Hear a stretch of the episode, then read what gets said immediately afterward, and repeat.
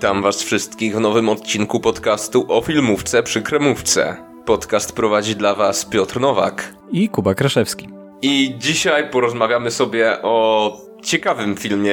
Nawet w sumie ciężko to, to nazwać filmem, bo zaraz o tym właśnie powiem. Jest to dość specyficzne kino. Mianowicie film The Room reżyserii Tomiego Wiseau, który zdetronizował y, film Dziewiąty Plan y, z kosmosu jako i odebrał mu tytuł najgorszego filmu na świecie. I teraz e, jest tak właśnie dumnie określany. Ale zanim sobie o tym do końca powiemy, to e, może się ciebie tak Kuba spytam, jak, jak ci minął ten, e, jak ci mija ten czas przedświąteczny ogólnie? No, prze, czas przedświąteczny jak to czas przedświąteczny, słuchaj, no leży śnieg, ja nie przepadam za śniegiem. Także co, pozostaje oglądać dobre filmy, albo, albo filmy dobre, albo filmy takie jak e, nasza dzisiejsza propozycja, czyli filmy kultowe. filmy tak, tak złe, że aż, że aż dobre. tak. E, ostatnio o tym mówiliśmy na naszej prelekcji o właśnie filmach klasy Z i tam e, podaliśmy właśnie przykład The Room, ale my, i myślę, że to jest na, na tyle wdzięczna produkcja, że no, należałby się właśnie os, osobny odcinek, plus Ostatnio mieliśmy okazję e, być na e, premierze filmu właśnie The Room e, z polskim dubbingiem, który był właśnie puszczany w zeszłym tygodniu w GCF-ie. Tak, to był pokaz z cyklu Najlepsze z najgorszych, czyli pewnie część z was kojarzy ten cykl, no to jest taki, to są takie cykliczne wydarzenia, gdzie po prostu pokazywane są w kilku kinach w całej Polsce filmy znane z tego, że są po prostu złe, ale złe w taki zabawny sposób, czyli właśnie tego typu klasyki kina klasy B, klasy Z, e, czasem dobarwiane w jakiś sposób. E, przed każdym filmem jest jakaś krótka prelekcja.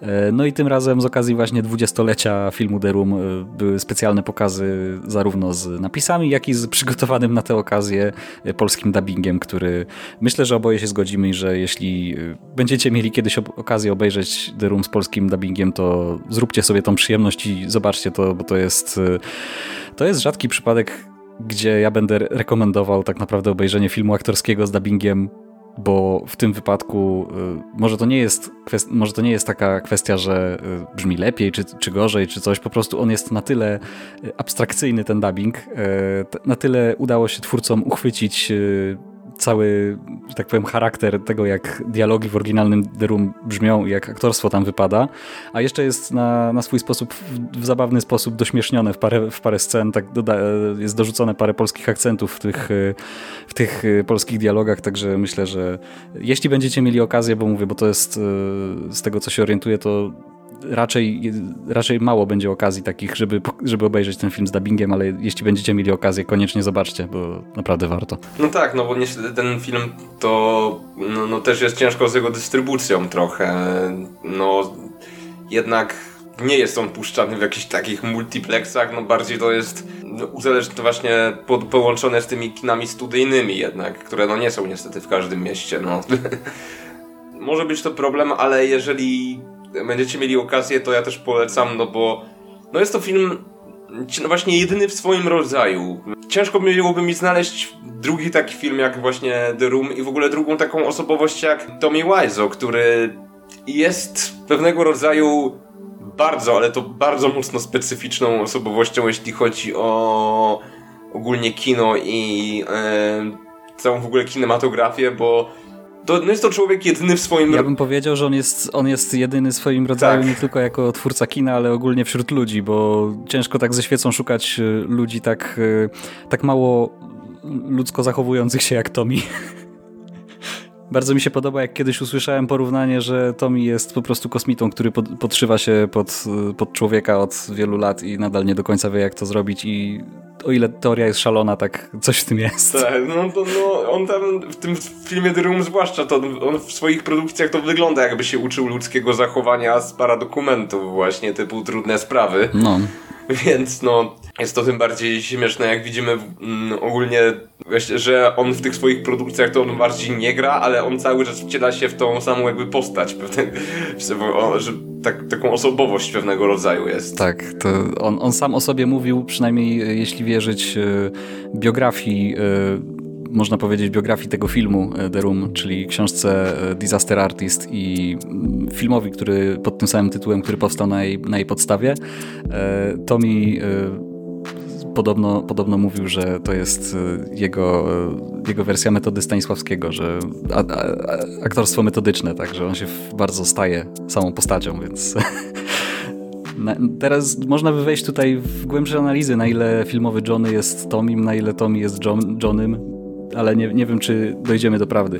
No, tutaj dogrzebać do tego mogłoby być ciężko w tym wszystkim, ale ja się ciebie, Kuba, spytam, jak w ogóle zaczęła się twoja przygoda z The Room? Bo no, wiadomo, że na filmoznawstwie jest to w miarę film taki kultowy wręcz wśród studentów filmoznawstwa, że e, te teksty tak. są już cytowane, no ale jednak takiej jakiejś mega dużej popularności, mam wrażenie, mm, u nas ten film nie miał, więc jak zaczęła się w ogóle, jak twoja przygoda z tego typu kinem? Może o, takie pytanie zadam. Wiesz co, no ja pierwszy raz o tym filmie usłyszałem właśnie na pierwszym roku filmoznawstwa, bo tak się okazało, że dopiero tak naprawdę zaczynaliśmy tą przygodę ze studiami i jakoś e, jakoś nie wiem, czy w jakiejś rozmowie to wyszło, czy coś takiego, że ktoś tam rzucił jakimś cytatem. Ja tak skojarzyłem, że coś kojarzę ten cytat, ale nie wiem o co chodzi. I jakoś tak od słowa do słowa przyszło, że dowiedziałem się, że istnieje jakiś najgorszy film w historii. No i postanowiłem go obejrzeć na własną rękę. Oczywiście najpierw pierwsze co to zaczęło się od tego, że obejrzałem na YouTubie jakąś kompilację zabawnych scen, która była na tyle długa, że wyglądało tak jakby tam było połowa filmu wklejona w tą kompilację, co w sumie mnie nie dziwi, e, więc obejrzałem tylko takie wybrane jakieś tam urywki. E, no i potem któregoś dnia udało mi się obejrzeć ten film po raz pierwszy, no i jest to przeżycie niezapomniane. E, w sumie to jest taka, taka ciekawostka, jeszcze później do tego nawiążę, że ja, ja ten film ogólnie w całości widziałem trzy razy i za każdym razem to było absolutnie inne doświadczenie, bo oglądałem to w absolutnie innych okolicznościach. Każde były wyjątkowe na swój sposób, ale do tego jeszcze zdążę nawiązać, bo to są bardzo ciekawe historie. A jak było u ciebie? U mnie, no wiesz co, ja tak naprawdę z tym filmem zapoznałem się już trochę wcześniej, bo jak dawniej oglądałem jeszcze jakieś takie, wiesz, recenzje internetowe różnych takich filmów, to no, natrafiłem właśnie na ten film w internecie, po prostu te fragmenty. No i ciężko mi było uwierzyć, że coś takiego w ogóle by, że coś takiego powstało. No i no ale po jakimś czasie to wiesz, no, no wiadomo, to potem trochę o tym zapomniałem, no bo in, tam inne filmy i też podobnie takie drugie życie, że sobie przypomniałem właśnie o tym filmie, to było właśnie na tych pierwszym roku studiów. Też po, podobnie jak ty, że ktoś rzucił cytatem i to mi się przypomniało, że ej, był taki film, e, jest taki człowiek jak Tommy Wiseau, i, e, który właśnie zrobił The Room i fajnie byłoby sobie to przypomnieć i bo ja pierwszy raz taki film, ten, tak szczerze mówiąc, pierwszy raz w całości ten film zobaczyłem właśnie na tym, w tym GCF-ie, bo wcześniej nie widziałem jakiejś głównie urywki, to streszczoną wersję i też po prostu, no, znałem ten film dobrze, ale nie miałem nigdy cierpliwości, żeby go w całości, wiesz, tak obejrzeć e, na jednym posiedzeniu, bo to jednak było... Próbowałem raz z moją przyjaciółką to obejrzeć, ale po pierwszej scenie, jak Dany zaczął im wchodzić do łóżka, to wymiękła już z tego filmu, więc, więc powiedziała, że stwierdziła, że to dla niej za dużo. Nie chcę tu brzmieć na, kurde, na, jak na snobistycznie, no ale mam wrażenie, że ten film może się tak teraz podobać dość specyficznej widowni, która właśnie, wiesz, lubi tego typu filmy i tego, i, i, i bawi ich ten, ta nieporadność aktor, e, aktorsko-scenariuszowa reali realizacyjna, jeśli chodzi o film, to myślę, że właśnie też dlatego mam wrażenie wśród u nas jakoś studentów filmoznawstwa, no men omen ten film no, znalazł taką popularność. No to jest coś takiego, że no to jest jednak film, który on jest kultowy, ale no, no, nie wyobrażam go sobie polecić od tak po prostu komuś, y, kto na przykład nie lubi tego typu kina złego, czy to świadomie, czy nieświadomie, no bo tak jak wiesz, no czasem ktoś ci poprosi, ej, o, jesteś po filmoznawstwie, poleć mi fajny film. No nie wyobrażam sobie na przykład powiedzieć komuś The Room. E, tak samo jak nie wyobrażam sobie takiemu człowiekowi powiedzieć, e, nie wiem, jakiegoś wysokoartystycznego e, filmu polecić, nie wiem, jakiegoś nie wiadomo czego, bo to jest jednak po prostu specyficzne dzieło, powiedzmy, do specyficznego odbiorcy i no wiem, że jeśli ktoś po prostu tak na przykład ogląda sobie filmy do, do, kotleta powiedzmy, oczywiście nie ubliżając kotletą, co, no to, to, to raczej się odbije od tego filmu, bo no, tak jak mówisz, to jest film, który bardzo dobrze ogląda się w towarzystwie. E, bardzo dobrze się ogląda go w okolicznościach pewnych szczególnych, na przykład na festiwalach albo na jakichś specjalnych pokazach, bo na przykład pomimo mojej całej miłości, nie bójmy się tego słowa, do tego filmu, nie wyobrażam go sobie obejrzeć samemu. Gdybym miał go sobie sam, będąc sam w domu włączyć, to ja bym wymiękł. To już prędzej bym sobie wrócił do jakichś tam konkretnych urywków na YouTubie, a nie całość, bo ten film mimo wszystko jest męczący i jakby tutaj dużą robotę robi to ta jego kultowość, to jak y, całe tłumy ludzi naraz go odbierają, bo no takie pokazy The Room to często, to często sale są właściwie wy wyprzedane. No i to jest jeden z tych filmów, gdzie właściwie tutaj ten odbiór w grupie bardzo dużo dodaje ci tak jakby do odbioru twojego. Tak, myślę, że tutaj warto też wspomnieć odnośnie tego filmu, bo nie ma filmu The Room bez Tomego Wiseau i e, żeby powiedzieć coś odnośnie mm twórcy, no bo jest to film bardzo autorski, można powiedzieć, ponieważ e, jeden człowiek, dla tych co nie wiedzą, jeden człowiek odpowiada w tym filmie za scenariusz, reżyserię i jeszcze do tego gra główną rolę w tym wszystkim, więc... Jeszcze pieniądze sam załatwił, także to jest człowiek orkiestra. A tak, jeszcze jest producentem, więc to, to jest bardzo bardzo autorska wizja. Tu, ten film nie idzie na kompromisy, to jest po prostu e, jedna wizja, która została tutaj absolutnie autorsko spełniona, więc Tak, może, ja to na pewien sposób to szanuję tutaj. I e, Tommy Wiseau, czyli Tomasz Wieczorkiewicz, tak. jak e, tutaj podają źródła, urodzony 3 października w Poznaniu. Jest to amerykański reżyser, scenarzysta i pro, e, producent filmowy polskiego pochodzenia. To, to polskie pochodzenie jest tutaj właśnie we wszystkich źródłach podawane, aczkolwiek sam Tommy Wiseau jakoś nigdy tego nie potwierdził i on chyba mówił, że urodził się w 1960 chyba 9 w Chicago, coś, coś takiego właśnie. Jak zobaczycie sobie film The Room, no to on nie wygląda na swój wiek. Więc no, mm, można spokojnie powątpiewać odnośnie tego, co on mówił, a sama w ogóle informacja o tym, że on e, jest polskiego e, pochodzenia, pojawiła się po raz pierwszy w filmie dokumentalnym odnośnie tworzenia filmu The Room. W filmie The Room Full of Spoons, co e, twórcy tego dokumentu dotarli do e, chyba właśnie do rodziny Tom, Tomiego i do, właśnie do jego korzeni i on podobno właśnie bardzo mocno też blokował ten film, żeby nikt się nie dowiedział przypadkiem o jego pochodzeniu tym rzymskim.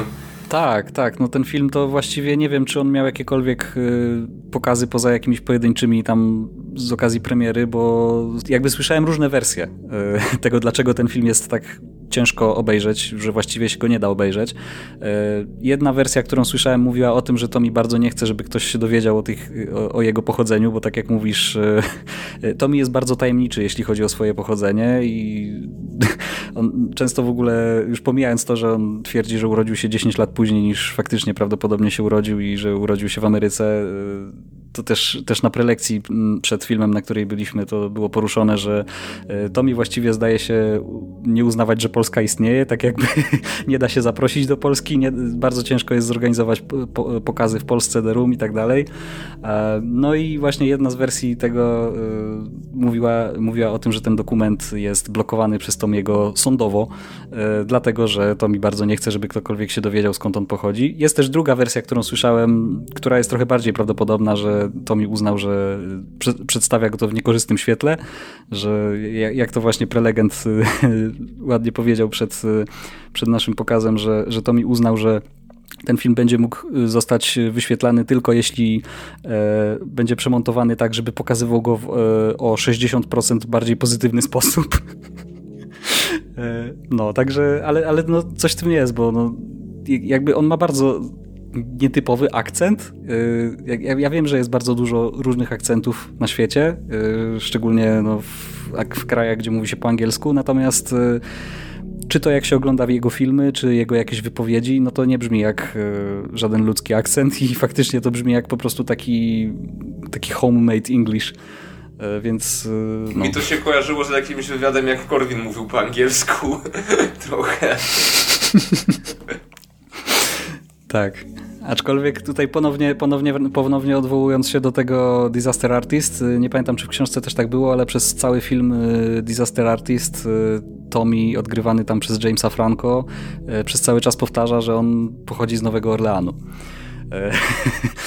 Aczkolwiek też z tego co kojarzę, tych wersji jego pochodzenia też było kilka, więc tak. różnie to może być. O, ogólnie odnośnie pochodzenia tutaj dokopałem się do ciekawej informacji, jak robiłem research odnośnie Tomiego, że, dwa, że odnośnie ten e, nazwisko, co prawdopodobnie Tomasz Wieczorkiewicz, to jest właśnie stąd, że w 2014 roku to ktoś e, z Reddita się tam dokopał do tego, że nazwisko najprawdopodobniej brzmi Wieczorkiewicz właśnie, opierając się na właśnie jakiejś dokumentacji. No jest to, jest to możliwe. Mo możliwe, że kiedyś dożyjemy momentu, kiedy ten dokument będzie mógł być pokazywany gdziekolwiek, chociaż z drugiej strony może nie tyle, żebym nie chciał, co jednak bardzo dużo tej legendy wokół Tomiego daje to, że właściwie nic o nim nie wiadomo mógłby mi ktoś powiedzieć, że on przyleciał z innej tak, galaktyki i mówię, tak, jakby mi ktoś powiedział, że on przyleciał z innej galaktyki, to uwierzyłbym to tak samo jak w to, że pochodzi z Poznania, więc e, nie wiem, czy chcę dostać tą jedną definitywną wersję. Może tak. No, ja tutaj się trochę też zgodzę, bo no to daje to, to, to daje trochę tej ta tajemniczość jednak do tej persony, którą jest Tommy, Wise, Tommy Wiseau. I e, odnośnie tego, jak w ogóle wyglądała produkcja filmu The Room, ponieważ Wspomniałeś jeszcze o film, filmie Disaster Artist i o tym jeszcze powiemy, bo e, o tym warto też powiedzieć.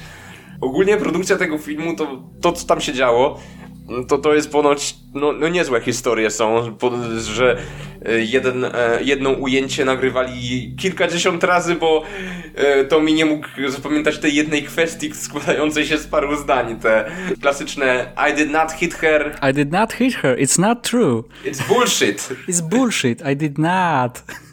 O, oh, hi Mark. Tak, i że, że ta scena była nagrywana po parę dziesiąt razy w ogóle budżet tego filmu e, wynosił ponoć 6 milionów dolarów. Jeszcze nie widziałem żadnego filmu, w którym tak no. bardzo nie widać tych 6 milionów dolarów.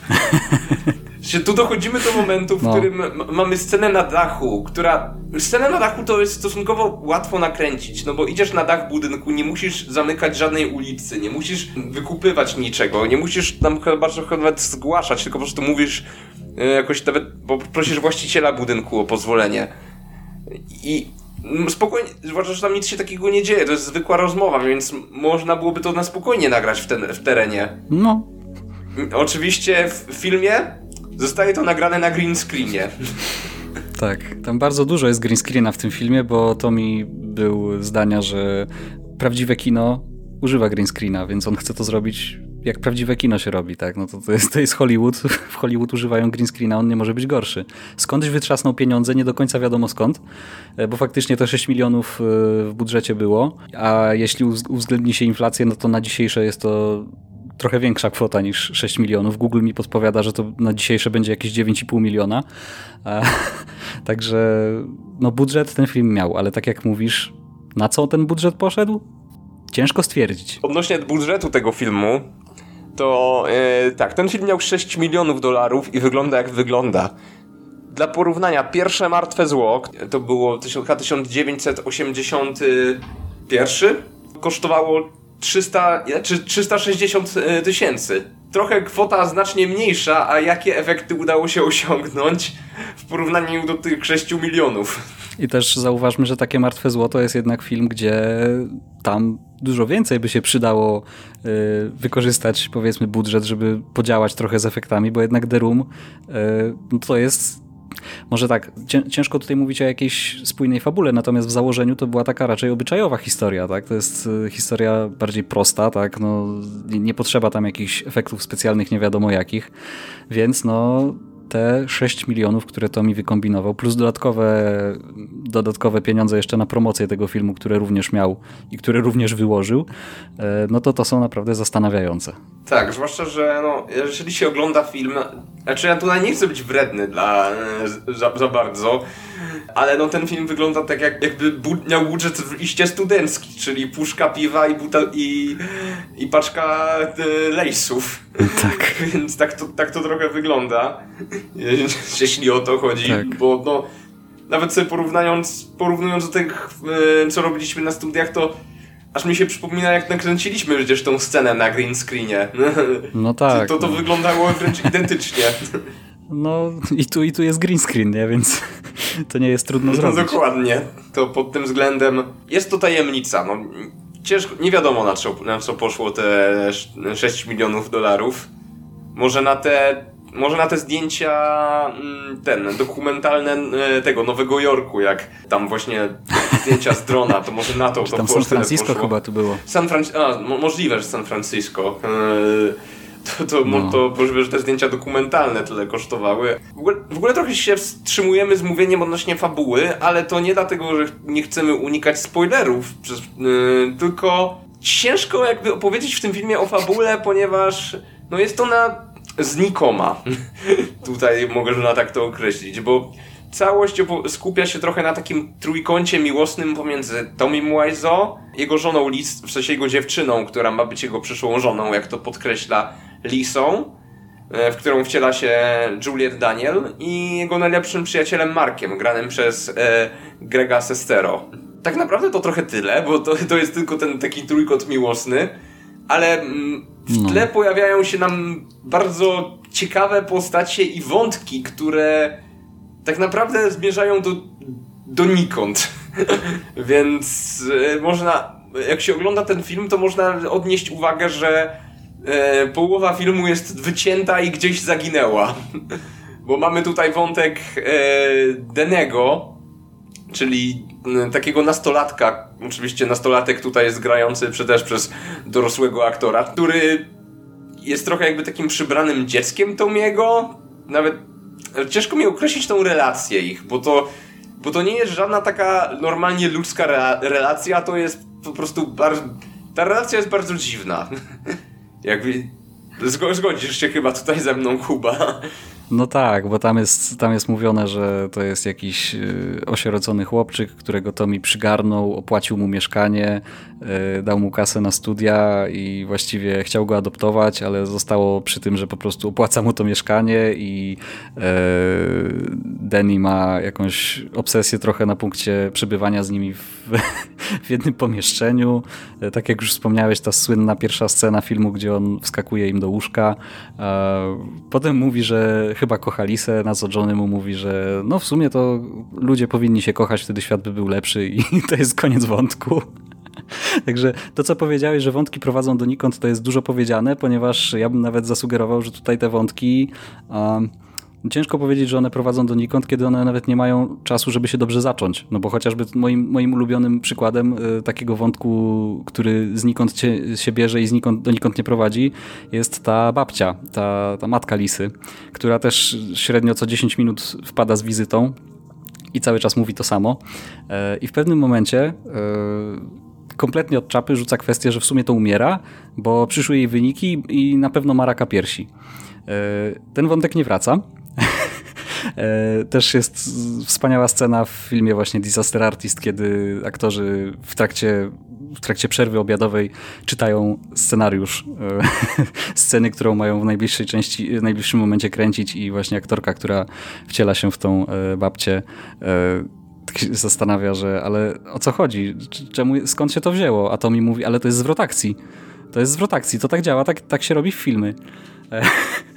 E, no i mamy tutaj bardzo dużo takich e, zwrotów akcji, czy tam właśnie wątków znikąd. E, ważnym, ważnym na pewno dla fabuły jest też wątek gangstera, od którego Denny, któremu Denny wisi pieniądze bardzo mi się podobają te, ta, ta, para, która w pewnym momencie kompletnie randomowo wchodzi e, Johnemu i Lisie do mieszkania pod ich nieobecność, żeby tam sobie pobaraszkować i, i to tyle. I naj, najlepszy, najlepiej podsumowuje ta, tą scenę reakcja właśnie tej matki Lisy, która wchodzi, widzi ich w trakcie Y, działań i rzuca do Lisy pytanie, kim są te postacie? I ja tak, jak byliśmy w, w kinie teraz na tym, na tym seansie, to tak mówię, kurde, to jest najbardziej rel postać w tym filmie.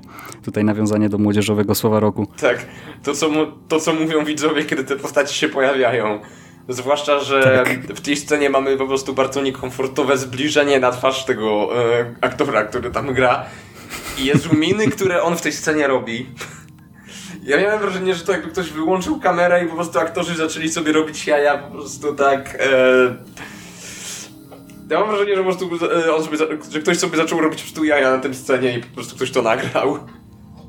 Wiesz co, ja tak powiem ci, jak, jak ludzie czasem mówią, że Nicolas Cage ma mimikę 300%, to niech ci ludzie sobie obejrzą tą scenę z The Room, bo to Nicolas Cage przy, tej, przy mimice tego aktora to jest, to jest absolutnie stoicka twarz. Tak, to prawie dorównuje, że tak powiem. E, no i film kończy się tutaj też kulminacyjną sceną imprezy, o której, która można powiedzieć jest ostatecznym jakby rozwiązaniem wszystkiego, kiedy Tommy dowiaduje się o tym romansie. No niczym Werter postanawia zakończyć swoje cierpienie. Tak. Film skręca tutaj o 180 stopni mocno, ponieważ w tej ostatniej scenie Tommy z takiego stoickiego, spokojnego człowieka zamienia się po prostu w jakiegoś to, to, to jest dosłownie Joker moment, ja to bym określił. Tak. No jest y, słynna scena niszczenia pokoju, y, darcia japy i w, w, w kulminacyjny moment z pistoletem Boże przebacz mi i następuje strzał. Y, no przepraszamy za spoiler, ale to jest taki film, że nawet jakbyśmy opowiedzieli kropka w kropkę cały film, to i tak nic nie wiecie, jeśli tego nie widzieliście. No tak, no bo tutaj, jak mówimy, fabuła jest tutaj naprawdę drugorzędna. To film ten się ogląda dla performers aktorskich wspaniałych. Znaczy mam wrażenie, że ten film jest do tego stopnia otwarty, zamkniętym światem w sobie, że kiedy ja zobaczyłem na przykład e, serial Nawiedzony Dom w i mhm. zobaczyłem tam Grega Sestero tak. w jednej, w jednej, w jednej z pobocznych roli, to ja miałem taki e, dosłownie prawdziwy, prawdziwy szok poczułem, że to, to ludzie z tego filmu grają gdzieś jeszcze w jakichś normalnych produkcjach.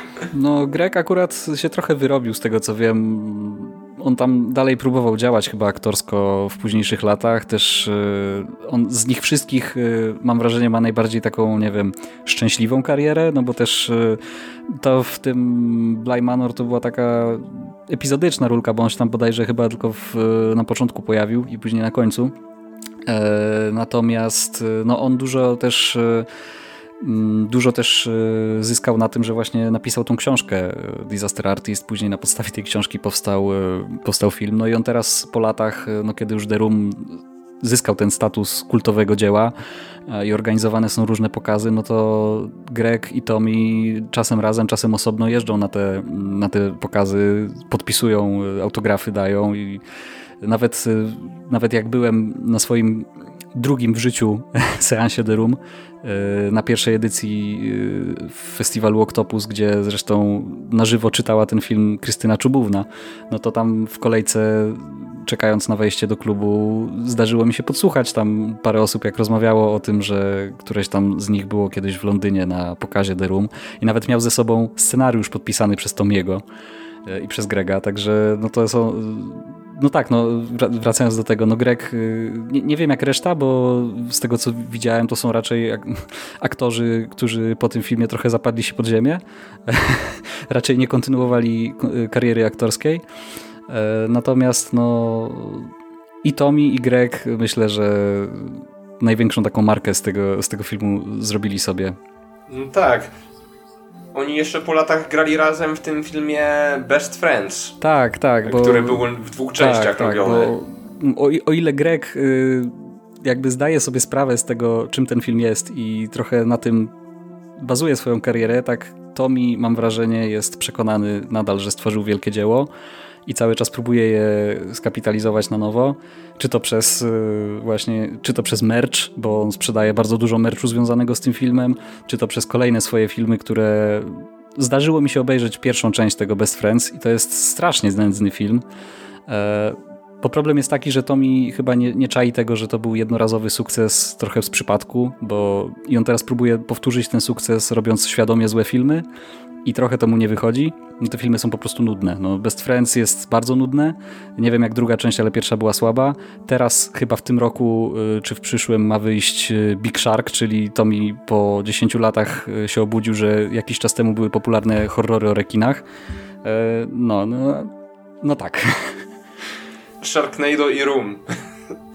To no, będzie to, to jest crossover, crossover którego nikt się nie spodziewał.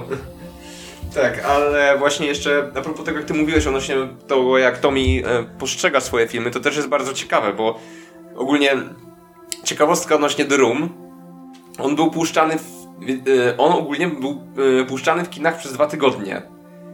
I chyba nikt, i chyba nikt tutaj z słuchających nie zgarnie, dlaczego tak to było właśnie, żeby to było puszczane przez dwa tygodnie, jak to mi nalegał. Ponieważ, aby dostać nominację do Oscara, to film musi zostać puszczany przez dwa tygodnie w kinach. Więc pod tym względem, no... I no, przez te dwa tygodnie, przez te dwa tygodnie udało mu się zarobić trochę ponad tysiąc dolarów, więc no sukces gwarantowany przy 6 milionach budżetu. Tak, zwłaszcza, że ile, to było powiedziane, że ile on na billboardy wydał tego fi przy tym filmie, bo jeszcze ma, bo jeszcze dochodziły właśnie kwestie marketingu. Tak, tam no, na, na, same billboardy to tam chyba też ponad milion wyszedł, bo przecież to mi tam opłacił, żeby billboard y, ze swoją twarzą, który wisiał w bardzo rozpoznawalnym miejscu przez chyba rok, jeśli dobrze pamiętam, no jakąś na pewno długą, długi czas. Żeby, żeby absolutnie nikt tego filmu nie przegapił. To, co trzeba mu przyznać, jest on bardzo elastyczny, jeśli chodzi o to, w jakiej intencji tworzył ten film, ponieważ w momencie, kiedy coraz więcej ludzi widziało ten film i zyskiwał status takiej kultowej, jakby, że ten film aż tak do, zły, że że aż dobry i ludzie po prostu robili kompilację tych różnych śmiesznych scen właśnie z The Room, to bardzo szybko to mi zmienił narrację z tego, że to zrobił poważny dramat, na to, że on zrobił komedię i że on od początku e, właśnie zamierzał zrobić komedię w tym wszystkim. No.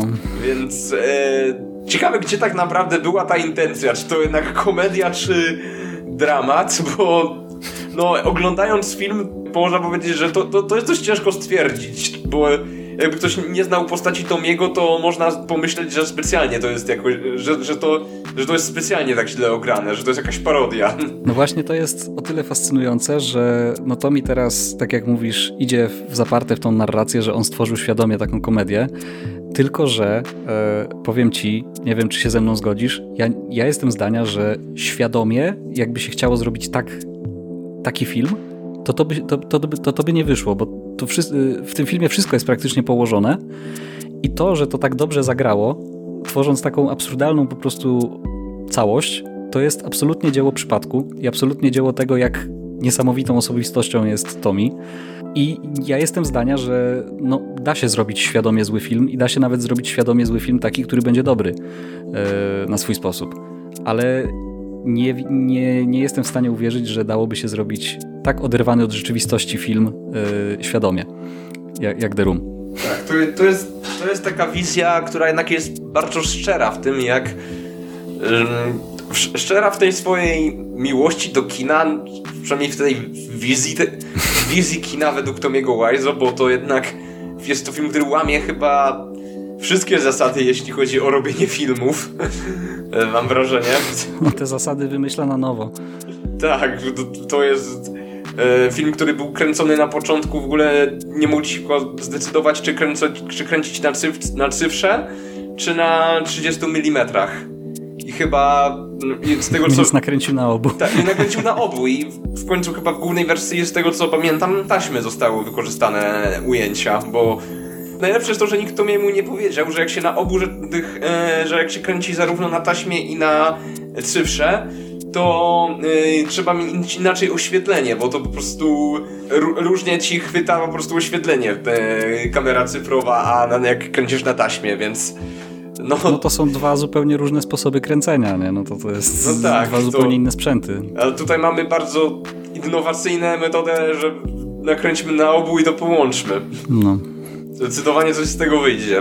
Tylko jeszcze ciekawe co. Tak, ja jeszcze się chciał pochylić nad tym e, właśnie trochę zahaczając o ten temat, przy którym jesteśmy, że e, właśnie unikatowość tego filmu, e, pisanie zasad kina na nowo. No wspomniałeś o tych ujęciach dokumentalnych. My się śmialiśmy w trakcie seansu, że ten most w San Francisco to jest głównym bohaterem tego filmu na równi z Tomim, bo właściwie to mi sprawia wrażenie w tym filmie, jakby gdzieś kiedyś usłyszał, że jak się zaczyna nowa scena w filmie i jest zmiana lokacji, to fajnie zrobić ujęcie ustanawiające na początku, czyli dać na przykład rzut kamery na jakąś ulicę albo na budynek, gdzie teraz się dzieje akcja.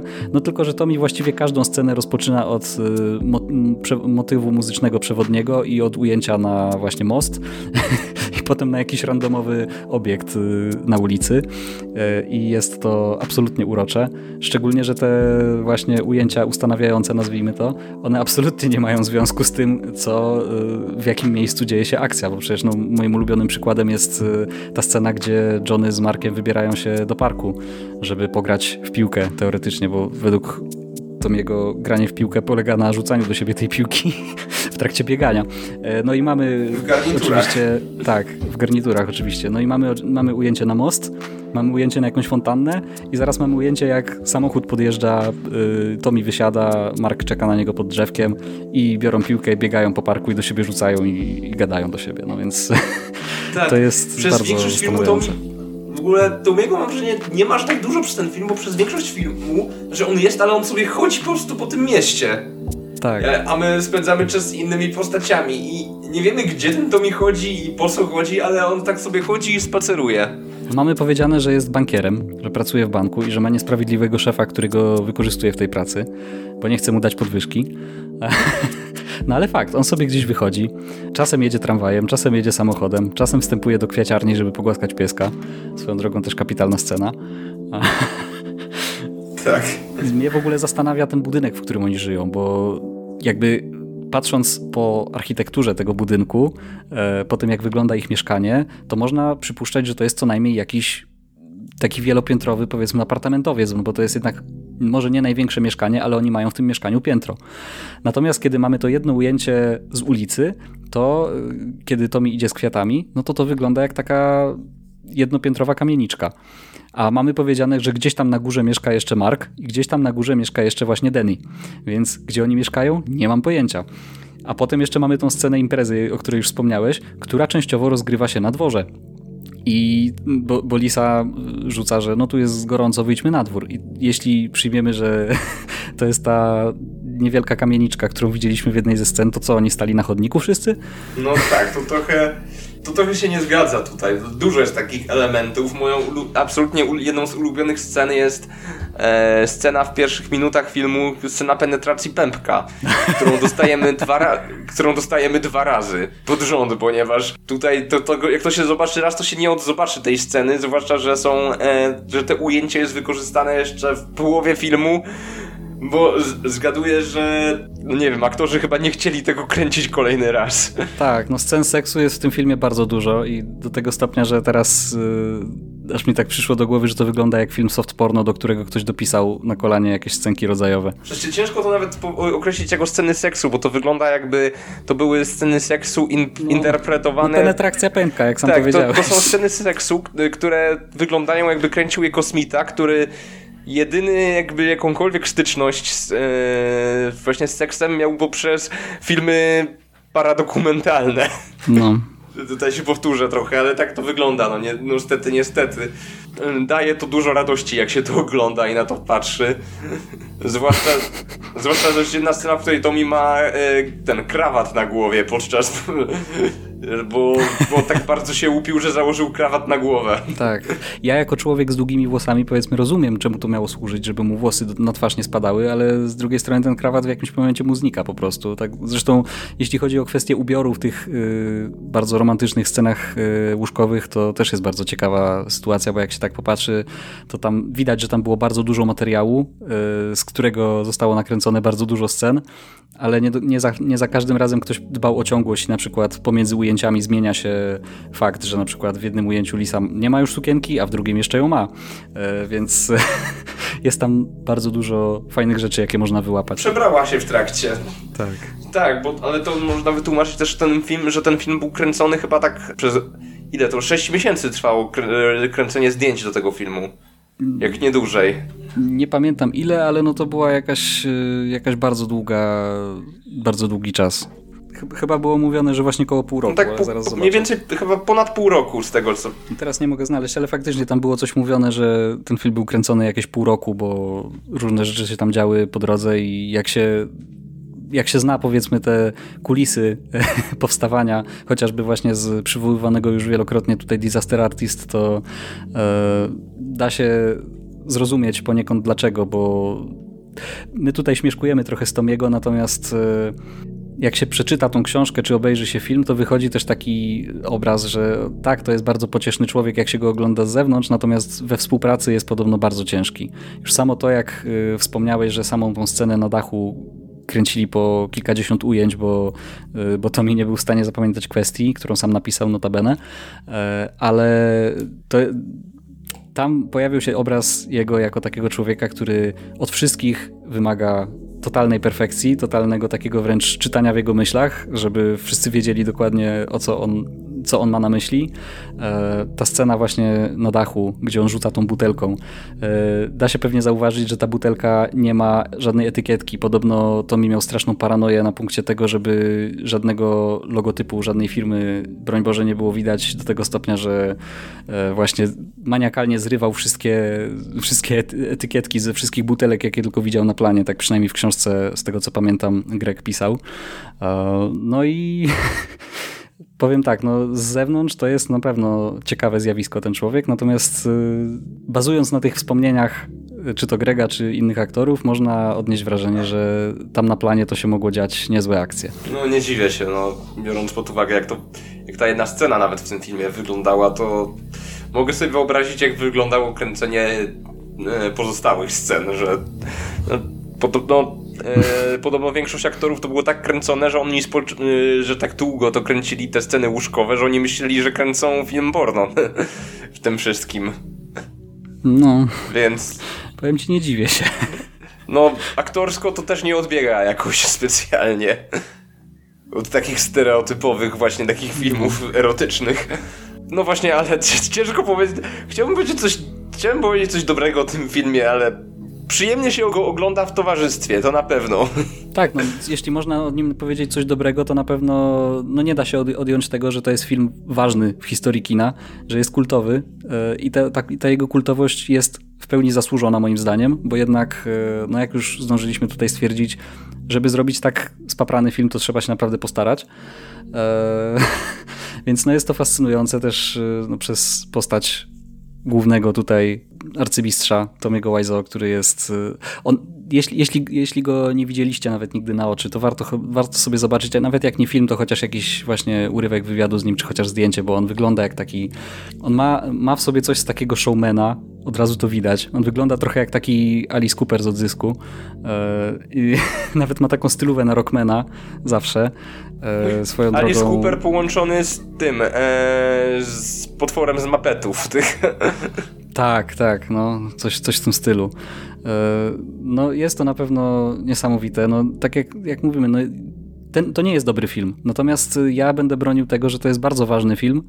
Bardzo ważny nie tylko jako hehe śmieszny film, śmieszne dzieło, natomiast on jest ważny dla po prostu kina kultowego, tak? No, dużo osób, które obecnie siedzi w tak zwanym tak złym, że aż dobrym kinie, yy, zaczynało właśnie od The Room bo to jest taki dobry punkt wejścia dla, dla, dla ludzi, którzy chcą no, zacząć Ciężko w ogóle oglądać. mówić o tym gatunku filmów, bez wspominania o The Room. No tak, no bo to, to jest tak, tak jakby, wiesz, no to to jest taka bardzo, bardzo rozpoznawalne dzieło, no.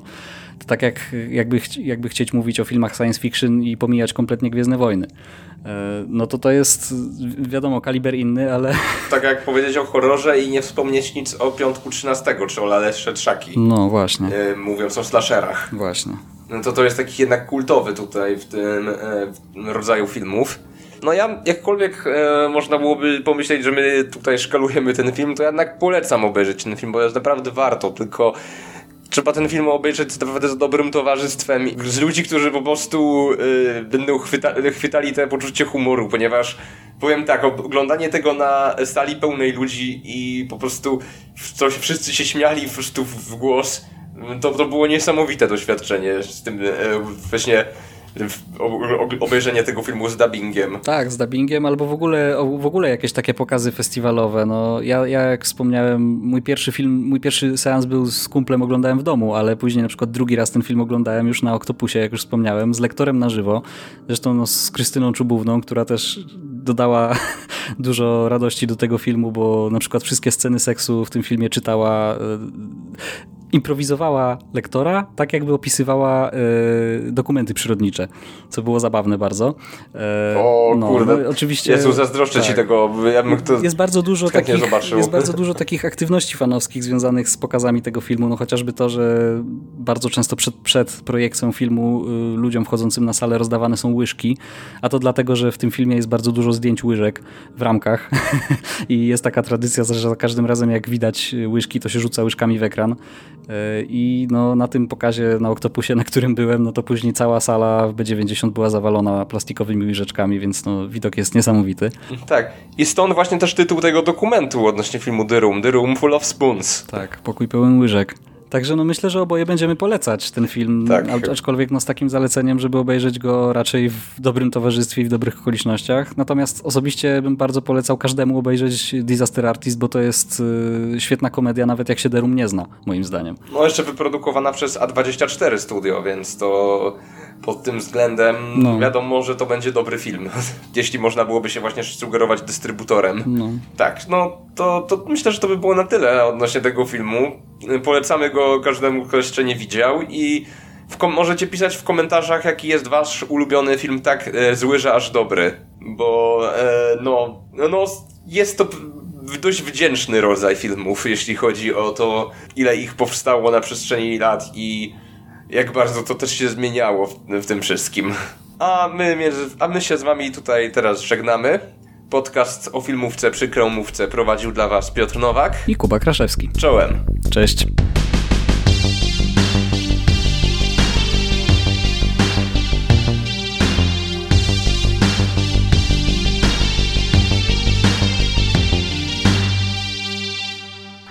I did not hit her. It's not true. It's bullshit. I did not hit her. I did not. Oh, hi, Mark.